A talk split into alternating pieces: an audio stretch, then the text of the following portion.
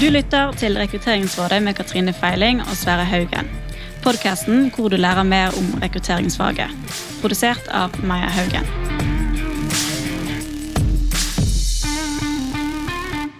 Katrine, nå, har vi, nå skal vi ha en prat som jeg har gleda meg til. Ja, det, ja, dette blir veldig veldig spennende. Gleder meg. Fordi i dag så er vi så heldige at vi har fått med, fått med en gjest som jobber med rekruttering, men, eh, men eh, med litt annen vinkling enn det vi gjør. Absolutt. Litt mer sånn Hva skal vi si? Det, det kanskje vi skulle ønske at vi gjorde mye mer av, å hjelpe folk. Ikke sant? Og det er jo, for det er jo i hvert fall inntrykket mitt. da. Det er liksom, Man kan jo lage seg noen bilder av folk, men inntrykket mitt er at folk som jobber med det som vår gjest i dag jobber med, de, de, de, de jobber med å hjelpe folk. Det er veldig tydelig. Får vi se om vi får det bekreftet eller ikke bekreftet, da. Men ja. ja, ja. Så da, det, det, er vel nok sånn der teaser til å si velkommen til deg, Aron Sylte. Tusen takk. Eh, du, da, da, du, nå sitter vi her og sier at du jobber med å hjelpe folk. Hvordan stemmer det overens med virkeligheten, syns du? jo, altså det, det, er jo det som er jobben vår. Eh, vi, vi, hjelper jo folk som av en eller annen grunn har havna i, i Nav-systemet. Eh, og få de ut i jobb igjen i en eller annen form for jobb, i en eller annen brøk osv. Om det er 100 eller om det er 10 eller ja.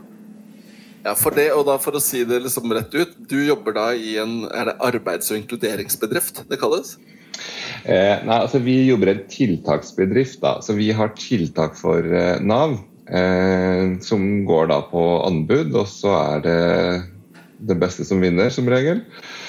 Eh, og, og eh, arbeids- og inkluderingsbedrifter de er litt spesielle.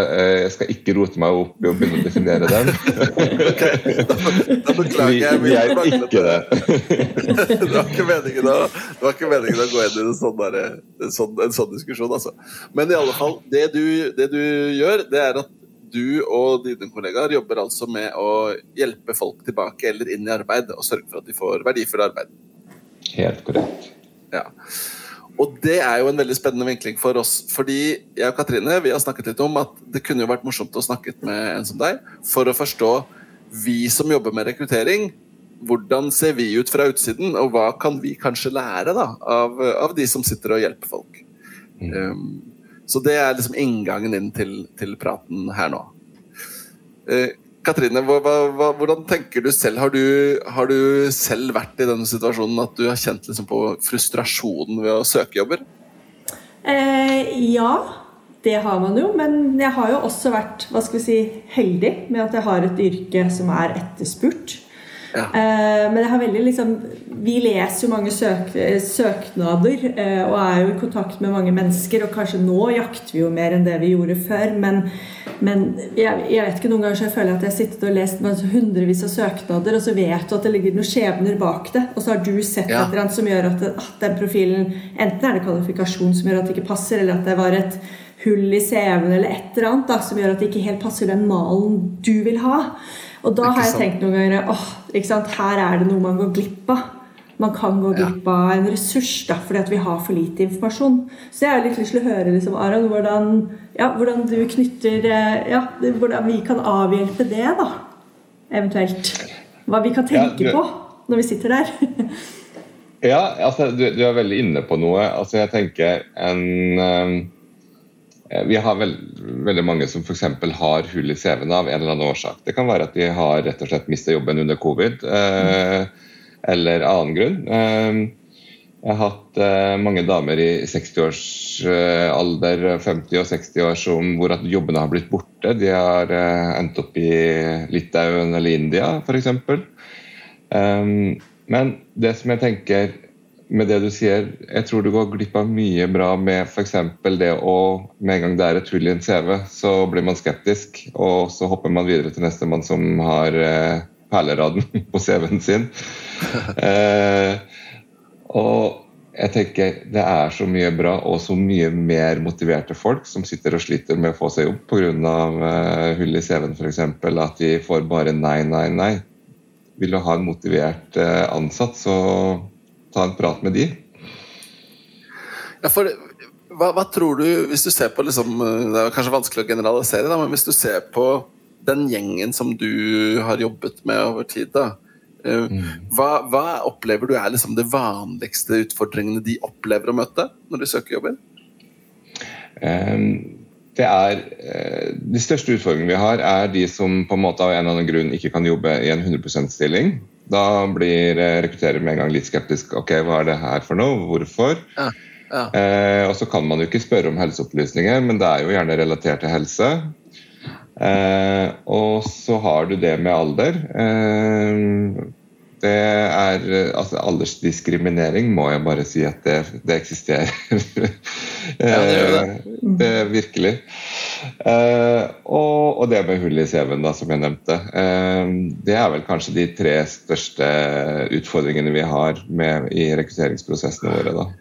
Hva, hva var de tre? Det var uh, hull i CV-en, alder og hva var den tredje? Eh, helse, altså som gjør at du må for eksempel, jobbe nedsatt, altså ikke en 100% stilling f.eks., eller du trenger noe tilrettelegging av en eller annen form. da. Ja.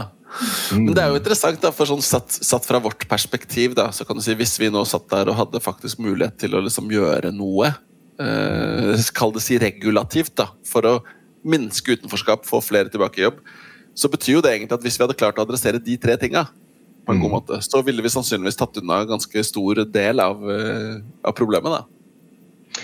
Men, det tror jeg absolutt. Ja, eh, Det jeg syns er litt interessant her, er jo liksom det er jo, Nå har vi identifisert de tre største problemene. Men hvordan går dere frem da for å rådgi eh, de menneskene du er i kontakt med, på hvordan manøvrere i, eh, når man skal ut og søke på ting? Mm. Nei, altså, det, altså, Vi har jo selvfølgelig veldig fokus på det grunnleggende med at de skal ha både en god, god CV og en god søknad osv. Som, som skal være et grunnlag. Men så er det jo da hvordan fremstille seg når f.eks. du har hull i CV-en eller det med alder. Um, jeg hadde en sånn jobbkafé her forrige uke, eller nei, to uker siden, uh, hvor at uh, jeg hadde to på 54-55 som da sier ja, men vet du hva, vi, vi blir ikke vurdert. Altså Alderen vår eh, blir bare brukt mot oss, føler vi. Eh, og Så ble jeg sittende og prate litt med han ene etterpå. Og så ser jeg på CV-en hans, han har akkurat begynt hos oss. Da så sier jeg at ok, her har vi en jobb å gjøre. altså her CV-en din er helt krise, så det er greit nok. Men så sier jeg altså, du står, Ja, ja. altså Brutalt ærlig. Uh, og så, så, står det 55 år, eh, separert og to barn på 16 og 20. Og så blir det sånn Men ikke skriv alderen, altså skriv heller fødselsdato, så de i hvert fall må regne den ut, da, sier jeg. Uh, det, det kan Satser på late rekruttere. ja. altså, ikke skriv separert. Altså, da skriv enten gift eller ugift. Altså, bestem deg, fordi at uh, en som står i separasjon, det kan være litt skremmende. Det, da har du ikke helt fokus på riktig sted. Det er kanskje det som er mer skremmende enn alderen din, sier jeg. Uh, og barn, at de er voksne, altså kan du bare skrive to voksne barn, f.eks. Altså det, det, er liksom, det, er bare sånne små ting som dere som rekrutterer igjen, kanskje henger dere opp i, som man ikke tenker over, men som ja. vi prøver å hjelpe dem til å få endra fokuset på også, da. Jeg tenker jo det egentlig, Sorry, Sverre. Men jeg tenker jo dette er jo egentlig informasjon vi ikke Vi trenger jo egentlig ikke den informasjonen, for det er jo ikke det som er relevant. Men når du får det midt i ansiktet, så selvfølgelig ja du, det ligger i bakhodet, da, som du sier. Du kan ikke google og legge merke til blir sånn, ok, ja. men, men, det er et veldig godt poeng det Katrine sier. Da, og det som har slått meg, Jeg har jo, jeg har jo skrevet en bok for jobbsøkere og jobbet mye med kall det jobbsøkerveiledning, jeg også, selv om fra en annen vinkling enn deg, Aron. Og det som har slått meg etter en stund, da, desto mer jeg har jobbet med det, det er at hvert så har jeg skjønt at ja, men en CV leses jo som et kart. Mm. Det er aldri sånn at du setter deg ned og begynner å lese alle stedsnavnene på et kart, for det er du ikke interessert i. Du ser etter hvor er den byen, hvor er det stedet jeg skal. Og på samme måte når du leser en CV, så leter du etter hvor er den kompetansen jeg trenger til denne jobben. Mm. Men hvis jeg da ser alt opp separasjon og hunder og barn og alt mulig annet, og hvis det er det jeg først ser, så blir det støy da, som er med på å trekke mm. oppmerksomheten vekk fra de andre tinga. Helt klart. Uh, vi har uh, hvis vi ser på disse tre tinga, da, som jeg synes egentlig det var en ganske fin vinkling ja, med de der tre, tre hovedområdene som går litt inn i de da. Hvis vi ser på sånn som dette med alder, da. Det er jo en ting som vi vet er og potensielt kan være utfordrende. En av de tingene som det faktisk diskrimineres mest på, mer enn mer enn etnisitet eller seksuell legning eller en del andre ting. Det er vanskelig å komme utenom. Eh, det, det, vi, har, vi, har, en egen episode om det, som du også gjerne må lytte på siden, eh, Aron. Episode 52 så snakker vi om aldersdiskriminering i, i rekruttering i Rekrutteringsrådet. Uh, men hva tenker du, Aron, er det noe vi kunne gjort? Eller den som lytter, da, som sitter og jobber med rekruttering, er det noe man kan gjøre for å jobbe med enten egne fordommer eller arbeidsmetodikk eller andre ting for å klare å liksom heve, løfte seg litt over massen på de tinga der, da, som handler om å liksom uh, ikke dømme på alder? Altså, jeg, jeg, jeg vil i hvert fall um, kanskje tatt en prat med dem. Hørt, altså, jeg, fordi jeg tror kanskje det kan være de mest seriøse, kanskje de med mest kompetanse. Men det kan være de som er dritlei også. Du, du, du kan møte alt der. Eh, det, eh, og, og, liksom Man må kunne kalle en spade for en spade. Det er ikke alle på 55 eller 60 som er kjempemotivert for å gå ut i jobb igjen heller. Eh, men så er det de som er supermotiverte, som bare gjør hva som helst for en jobb. Eh, det som vi kanskje ser mye av, er at mange som har lyst til å prøve noe helt annet, fordi at jobben og den bransjen på en måte har blitt borte. Og da er det utfordrende når du er såpass godt voksen og skal prøve noe helt nytt. Men samtidig så tenker jeg at er det noen som i hvert fall er motiverte og stabile, ikke hjemme med sykt barn osv., så, videre, så er det jo virkelig de her. Og de har så mye å bevise. De, de eh, så er modne, ærlige folk som stiller opp og har arbeidsmoral, mm. stort sett. I hvert fall de vi har. Det, men selvfølgelig, vi har alt mulig. Mm. Men alt mulig finner du i alle aldersgrupper, egentlig. Så ja, det, er, sant, det, er, det, er, jo bare folk. Men det er, et jo... poeng det å ta seg litt tid da, eh, til å ja. ta den ekstra telefonen og bare bli litt kjent med mennesket før man bare avskriver det pga. Av et tall som står der. Det men, men, det er jo det som er liksom, kan du si, kjernen i, i denne om vi kaller det diskriminering, da, hvis vi, hvis vi sier det, skjevbehandling eller hva du vil, så er jo problemet det at man tar et enkeltindivid, og så baserer, man det, så baserer man sine vurderinger basert på hva man tenker om en større gruppe. Da. For eksempel, de aller fleste som er godt opp i åra og voksne, er ikke så flinke til å lære nye ting, kan man tenke, eller er ikke så gode på teknologi. Og så tar man en antakelse basert på noe. Det er det samme du gjør med rasisme. ikke sant? Og ok, Du har et indisk navn, da passer du sikkert inn, ikke inn i kulturen, eller hva det nå er. da. Som er jo, så det er jo én ting er liksom den bevisstgjøringen man gjør på egne fordommer og egne holdninger, og det er lett å si og ikke så lett å gjøre noe med, kanskje. Men det jeg tror kan være et sånt rent faktuelt teknisk grep man kan gjøre, nå tenker jeg liksom på vegne av oss som jobber med rekruttering, det er å sette opp en prosess hvor inngangen er litt lavterskel. Da. La oss si at vi to hos oss, Katrine Hvis vi hadde hatt et førstegangsintervju som var én time sit down fysisk med kandidaten, så vil det koste veldig mye å ta inn flere, for det er en stort rigg. Men det å sette opp en kjapp telefonprat ti minutter med kandidaten i forkant som en del av screeningen, vil jo være med på å ta ned, ta ned liksom den der første terskelen. Og så er det lettere å ta inn litt flere, og sånn sett kaste et litt bredere nett da, ut mot kandidatene. Det kunne vært en fin måte å, å få luka litt. Ja. Så kan man sette seg ned eh, etterpå, eller forrige før, så kan man se den der, er det Internship den heter? The Internship med Robert De Niro. Han der, eh, som er pensjonist og søker sånn trainee-stilling i et selskap. Det er egentlig morsom vinkling på problemstillingen. Ålreit. Um, andre de andre tingene du nevnte, var jo liksom hull i CV-en og så dette med helse og helseproblemer. og sånn. Ofte så kan jo de være overlappende òg. Hvis du har et helseproblem, så kan det føre til at du får et hull i CV-en. Eh, hvordan, hvordan, opplever du det liksom, tas imot, eller hva er liksom din oppfattelse av det i forhold til Hvordan behandler vi det, da, Aron? Sånn som du ser det? Ja, nei, altså eh, jeg tror, altså, Hvis vi er inne i prosessen, da, bare si det med en gang, sånn at altså, en rekrutterer får vite at altså, Nav er med på sånn, altså at Nav er involvert, eller deltaker er hos Nav, så tror jeg man får en liten sånn skepsis med, med en gang. Um, og så er det jo litt sånn balanse av og til. Så det, må vi delta på en måte i prosessen og, og hjelpe deltaker. Eh, hvis det er helseutfordringer, hvis det er tilrettelegging som skal til, vi skal følge opp osv. Eh, eventuelt så holder vi oss helt i bakgrunnen, og så blir ikke det nevnt med et ord. Eh, det som uh, det som ofte også følger med Nå er det litt sånne restriksjoner eller litt tilbakefallende på, på det fra, fra, Nav sin side, men det er jo at uh, det kan ofte følge med lønnstilskudd på deltakere som, som har noen helseutfordringer, som har vært lenge utenfor uh, osv. Der opplever vi eh, som regel at det er ikke noe som er forenlig med rekrutteringsbyråene, da, fordi det blir Hvordan skal man da tjene pengene sine osv.? Det blir en utfordring der. Og ja.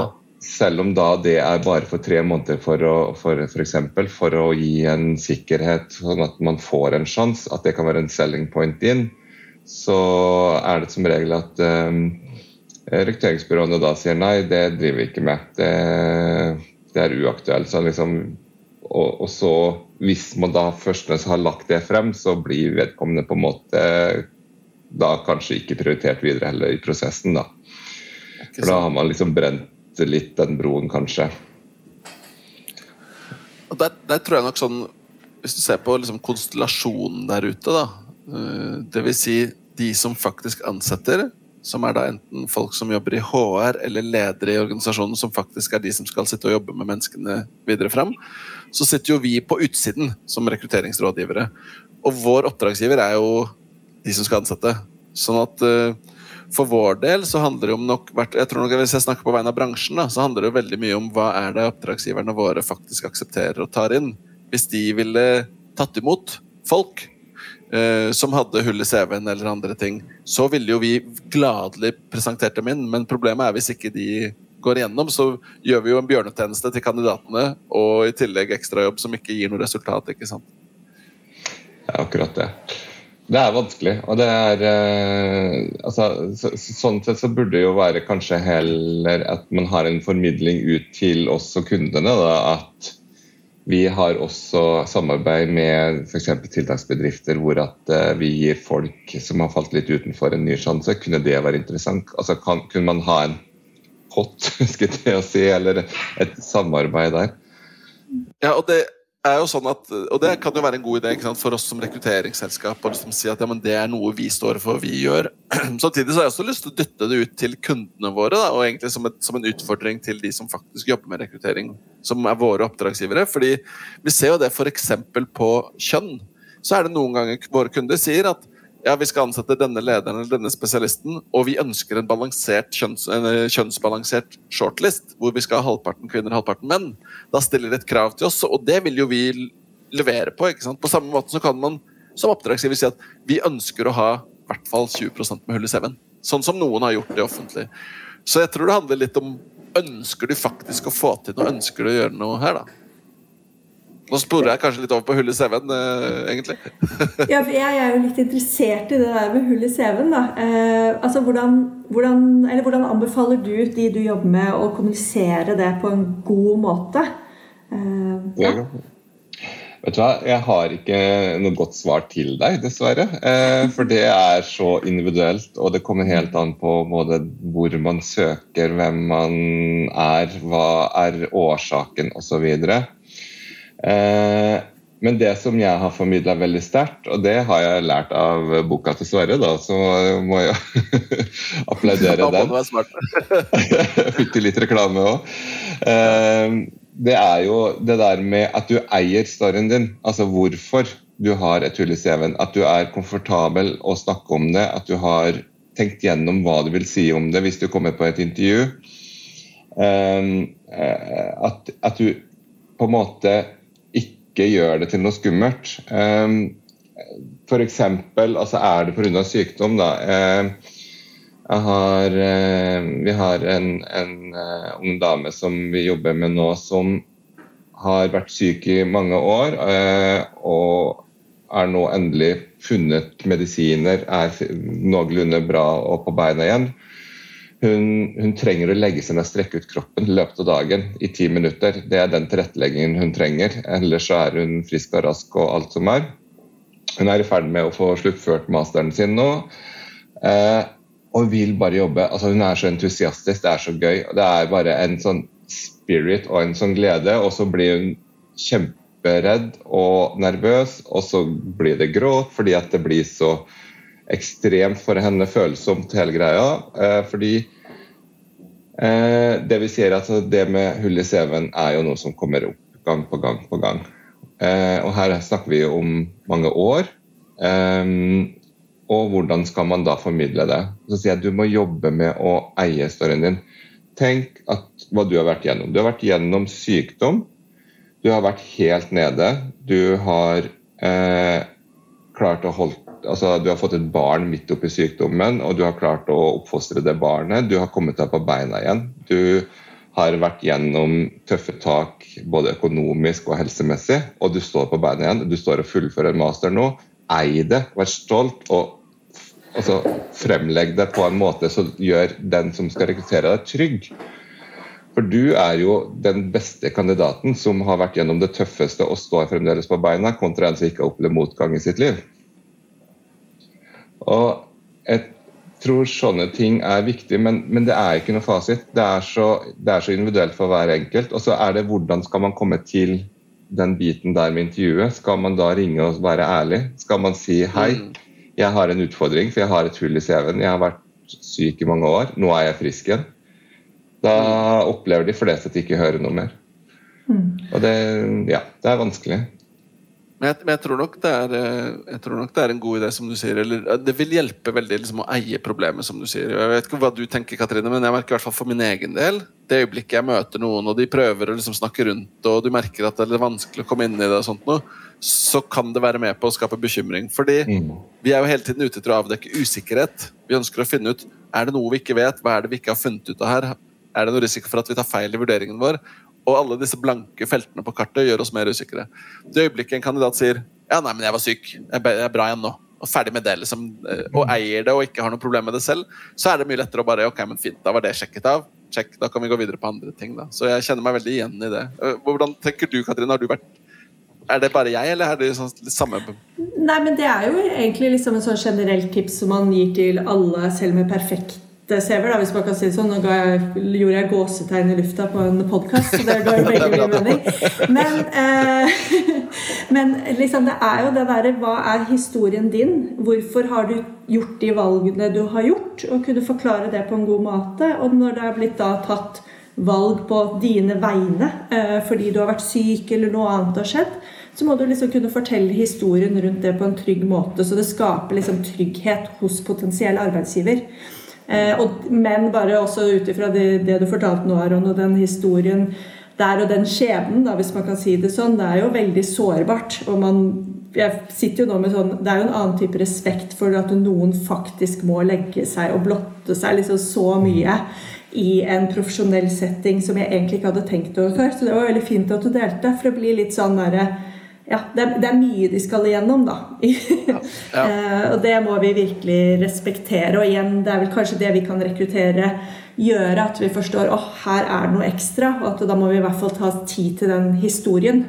Uh, det. Jeg har et spørsmål til deg, Aron. Og det er litt sånn synsespørsmål. Hva du tror og mener og tenker. Uh, hvis, vi splitt, hvis vi nå splitter opp hvis, hvis, vi ser på det, ok, vi, vi er enige om at okay, vi har et problem, vi har noe vi kan gjøre med å få flere inn i arbeidet. Det skjer noe i prosessene som gjør at folk med hull i CV-en eller eh, som helseting som, som de oftere liksom detter ut av prosessen. Hvis vi ser på de to store kall det nåløyene, da. Det ene er fra søknad til å faktisk bli kalt inn på intervju. Det er liksom den terskelen. Der vil mange skilles fra fordi de har en for dårlig CV, fordi de har en for dårlig søknad ofte eller tilsvarende.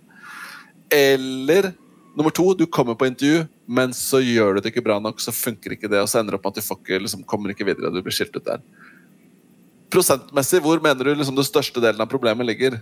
For den målgruppen vi snakker om her. Um, det har vært størst, altså si kanskje 80 uh, Problemet har vært søknad CV, å komme seg inn altså, og så bli i hele tatt vurdert. Nå etter covid alt så har jo markedet snudd, sånn at uh, nå er selv våre deltakere, som vi sier, attraktive. Um, det, det, er liksom, det, det er som gjør at det er litt morsomt.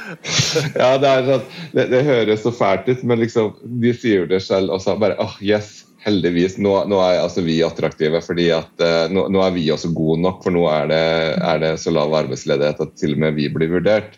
Men så er det jo da om det tipper inn eller ut på, på intervjuet igjen. sånn at uh, vi legger veldig mye eh, jobb inn i det å jobbe, eller forberede til intervju og, og, og jobbe med den biten der da, for tiden. Fordi det er jo Altså, de er ute av trening, rett og slett, mange. For de har ikke vært på mm. intervjuer på år og dag. Eh, kanskje har de en lang yrkeskarriere bak seg og, og, og har jobba i samme selskap i 20 år, og ikke vært på et intervju på, på, på det tilsvarende. Så, så, så det, er, det, er, mye utfordringer der. Men det med, med søknad CV, det, det, får vi hjulpet dem med. Men, men, det er jo det innholdet, hvordan selge inn det for å få dem til å bli valgt, altså bli prioritert. Eh, uh, jeg skal ønske på en måte at rekrutteringsbyråene hadde mye tettere dialog med oss. Har dere noen som kan passe inn i denne, denne profilen? Altså At man har uh, tett dialog der, for det har vi ofte. Uh, ja. Nå ser vi at det er mer og mer som skjer der. Uh, vi blir mer og mer kontakta. Sånn at det er, det er veldig positivt, det som skjer. Men det er vel i manko av mye annet, sånn at det, det, har tvunget seg frem også til at de må tenke nytt, også de som skal rekruttere. da. Og, og jeg heier og applauderer for all del. Altså, det er ikke noe sånn Nå kommer dere, ja!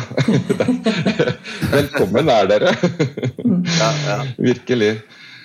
Så, men så er det noe med å ha en ærlig og god dialog om hvis det er utfordringer, hvis det er ting og tang også. For de skal jo også presentere videre. De skal også være ansvarlig for det de leverer overfor en kunde. Og, og det har vi veldig respekt for. Og jeg tror at hvis man har et tettere dialog med, med tiltaksbedrifter som oss, så tror jeg det kan være veldig positivt, for da har man noen som følger opp, som er til stede, kan gå inn og være delaktig i og følge opp på arbeidsplassen hvis man ønsker det osv. Så sånn at eh, det, det, det, er en gylden mulighet for alle parter, på en måte. Mm. Så det har altså vært en svingning, da. For før, før så var det mye trangere nåløye. Det var liksom søknadsprosessen som var uh, en terskel. Um, mm. Tror du det, vi, har jo, vi, har jo, hatt Tidligere så har vi bl.a. drøftet dette med altså, prosessgrep som handler om å gjøre det lettere å søke. Eh, sånn som søknadsfri rekruttering hadde vi i episode 53. Så snakket vi om det med, med hvordan Mesta hadde testet ut eh, det å ta imot søknader, men uten søk søknadsbrev. Mm. Tror du sånne ting vil være med på å gjøre det bedre? Ja, det tror jeg. Altså, jeg tror veldig mange av de som som vi har, altså De som er aktive og har vært utenfor en stund, de har sendt så mange søknader at de spyr omtrent ved tanken på å skrive enda et søknadsbrev. De klarer ikke å legge sjela si og få en tipp topp søknad eh, hver gang, på en måte. De skriver gode, men kanskje ikke negler de, for den blir litt copy-paste fra forrige osv. Når du har sendt 50 søknader og ikke fått svar på 40 av dem kanskje en gang i tillegg, så, så sier det seg sjøl at ja, hvor mye skal du legge i det? Du gir litt opp. Ja, ja. Eh, og jeg tenker CV-en er det viktigste dokumentet for alle parter uansett. Det er den som forteller hva du ja. har gjort og Ja. Det er klart. Nei, men bra. Eh, det er så mye interessant å ta tak i her. Eh, vi har jo eh, noen spørsmål som vi stiller alle eh, gjestene våre helt på slutten her, Aron. Så nå håper jeg du har forberedt på det. Uh, vi får se, sier uh, og det første er jo Dette kan jo faktisk være litt relevant, så du får bestemme hvilken historie du vil fortelle selv. Men uh, hva er din verste rekrutteringsopplevelse? Og nå sier jeg din, men du må jo gjerne fortelle på vegne av noen andre også, så kan vi høre hvor ille det står til der ute. ja, ja jeg, jeg kommer ikke på Altså, jo, altså, jeg har vært på noen eh, intervjuer hvor jeg nesten har reist meg godt sjøl, på en måte. eh, jeg husker En gang så ble jeg spurt om noe Jeg skjønte ikke spørsmålet, eh, men det viste at eh, altså jeg måtte spørre ti andre etterpå. Han spurte meg om det, nå husker jeg ikke hva det var. Men, eh, og de, alle bare oppfatta spørsmålet at det var ja, du svarte riktig. Han, mist, han, visste ikke hva han spurte om. Men jeg hadde en morsom greie var Jeg hadde et intervju hvor at uh, de skulle ha referanser. Uh, og de fikk tre referanser. Og så ringte hun meg og sier nei, uh, de referansene var ikke gode nok. Det her var et rekrutteringsbyrå, da. eller bemanningsbyrå. Og jeg sier bare OK, var det dårlig referanse? Nei, de var for gode. Jeg vil ha en fjerde referanse. Det, det, det, det, var for godt til å være sant. Jeg bare OK. Uh, ja, nei, jeg har nok ikke en fjerde referanse. Ja, men du jobbet der og der. Ja, sier jeg, og det har jeg fortalt om at jeg slutta på en måte som ikke Jeg, jeg likte ikke sjefen, og, og, vi gikk ikke helt overens. Så jeg har ikke tenkt å be han om ha referanse. Jeg har ikke tenkt å gi en dårlig referanse. Ja. Nei, men det, hun måtte ha en fjerde referanse. Ja, ok. Nei, men vet du hva, det her er helt uinteressant for meg. Da sier jeg nei takk til jobben, sier jeg. Farvel. Og så på, mandag, dette var på, fredag, på mandag så ringte hun, og så fikk jeg jobben. Så, er det sånn? men da, men da takka jeg nei. Hva sa du da? men det der er jo kjempe, kjempeeksempel på noe vi jobber veldig mye med, da, som handler om kandidatopplevelsen. Hvor du har en forferdelig dårlig kandidatopplevelse. Uh, mm. Som er jo Ja, det, der er det mye å hente, tror jeg. Det er mye å hente. Vi noterer oss det, at vi ikke skal klage på gode referanser. Og så Det andre er jo det som vi alltid lurer litt på. da. Hva, er det noe tematikk eller eh, noe ting du tenker at du kunne hatt lyst til å høre om i Rekrutteringsrådet videre fremover? Eh, en ting som ikke jeg rakk å komme inn på nå. Da. Vi jobber mye med ungdom. Vi har et eget pilotprosjekt med ungdom. Eh, gjerne ungdom som har falt litt utenfor. Eh, og jeg tenker ungdom og rekruttering med altså da fremtidens arbeidsplasser, hvordan de må tenke for å tilpasse seg eh, den, den uh, ungdomsgruppa, for å si det sånn. Hvordan uh, De er ikke noe åtte til fire-ansatte, tenker jeg, i fremtiden. Um, men også veldig veldig mange unge sliter psykisk og med, med ting og tang og utenforskap og i det ene og det andre. Og eh, mer fokus på det. og Hvordan hjelpe de, hvordan tilrettelegge for de å, å, å få til Altså vi Jeg har eh, noen veiledere som, som, jobber bare med, med en ungdomsspillprosjekt nå, og det er så gøy. Det er eh, alt fra friske, raske ungdommer til ungdommer med, med 15 siders epikrise på, fra psykiatrien på en måte, som kommer ut i jobb arbeid og blomstrer opp og blir en kjemperessurs, og, og bedriftene appellerer. Så enda mye mer fokus på det. Så gjerne, gjerne en episode om noe sånt. Det er notert, og da liksom følte jeg litt at det ble det du sa der helt på slutten og sagt underveis også Jeg vet du skal ha en oppsummeringsherre, så, men så jeg får bekreftet teorien min om at det du jobber med, er å hjelpe folk, altså. Det vil jeg bare ha sagt. veldig, bra. Ja, og det var, veldig, det var egentlig Nå var du snedig, Katrine, for nå lagde du en sånn sirkel og dro du oss tilbake til start. Det var veldig bra. Og jeg er helt enig. Eh, jeg vil på vegne av, eh, av noen norske folk si tusen takk for at du gjør jobben du gjør, Aron. Det er en veldig viktig, viktig jobb. Tusen takk selv. Og også tusen takk for at du kom hit og, og delte. Eh, nå skal vi gå inn for landing, en liten avrunding, og da har jeg lyst til å spørre deg, Katrine, hvis du nå reflekterer tilbake over denne samtalen, da, hva er dine takeaways, sånn bortsett fra at du, du fikk bekreftet hypotesen om at Aron og hans like hjelper folk? Nei, altså Det er jo den uh, Key takeaway er det å være mer bevisst og sette av mer tid. Uh, vi raser jo av gårde i rekrutteringsprosesser, men det å kunne ta liksom ett skritt tilbake og bare men har vi, har vi sett på absolutt alle kilder? ikke sant? Vi går lett på LinkedIn, men som Aron sier, ta kontakt med sånn som han, da. Uh, for de kan sitte med noen, med noen der. Og så er det det å liksom kanskje hjelpe kundene også, som vi jobber med, med å tenke litt nytt. Så det er det jeg tar med meg. Det er veldig bra. Og jeg også, har, jeg også tar med meg masse ny, nye tanker og ny innsikt, Aron, så tusen, tusen takk.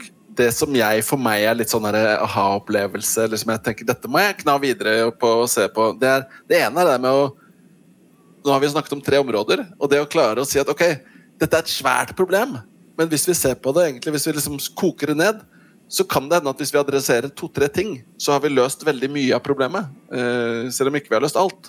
Så det å liksom være bevisst de tre tinga som vi snakket om innledningsvis, ikke sant? hull i CV-en, eh, alder og dette med hva hvis det har vært helse, helsemessige ting som gjør at det har vært trøblete. Vi knekt de, så har vi kommet langt. Og det andre er egentlig den der innsikten at jeg stiller meg selv spørsmålet Hvorfor er det så mange arbeidsgivere som stiller krav til meg eller oss om at kjønnsbalanse f.eks.? Jo, det er fordi det vil de fikse, men det er ingen enda som har stilt krav til meg på nå vil vi ha noen med hull i CV-en. Mm. Uh, så, så, der er det fremdeles noe å hente da, som jeg tror er en bevisstgjøring ut blant kunder. Da, tenker jeg. Gjør som Erna. Gjør som Erna. Hva, var det? Hva tenker du på da? Nei, Hun innførte det i staten med, med hull i CV eller uh, fysisk utfordring. Altså, ja. Ikke sant. Og vi har jo, vi har noen som har, som har, gjort det, sånn som KPMG, tror jeg det var. De har jo hatt en kampanje på dette som de får også mye oppmerksomhet på. Så der er det mye å hente. Da. Så gjør som Erna. Det var en fin avslutning, tror jeg. Tusen, tusen takk, Aron. Takk. Du har lyttet til Rekrutteringsrådet. Vi produserer også Topplederpodkast og Jobbsøker. Du finner oss der du lytter til podkast. Har du forslag til gjester eller tematikk, gå inn på vår Facebook-side Maja Haugen.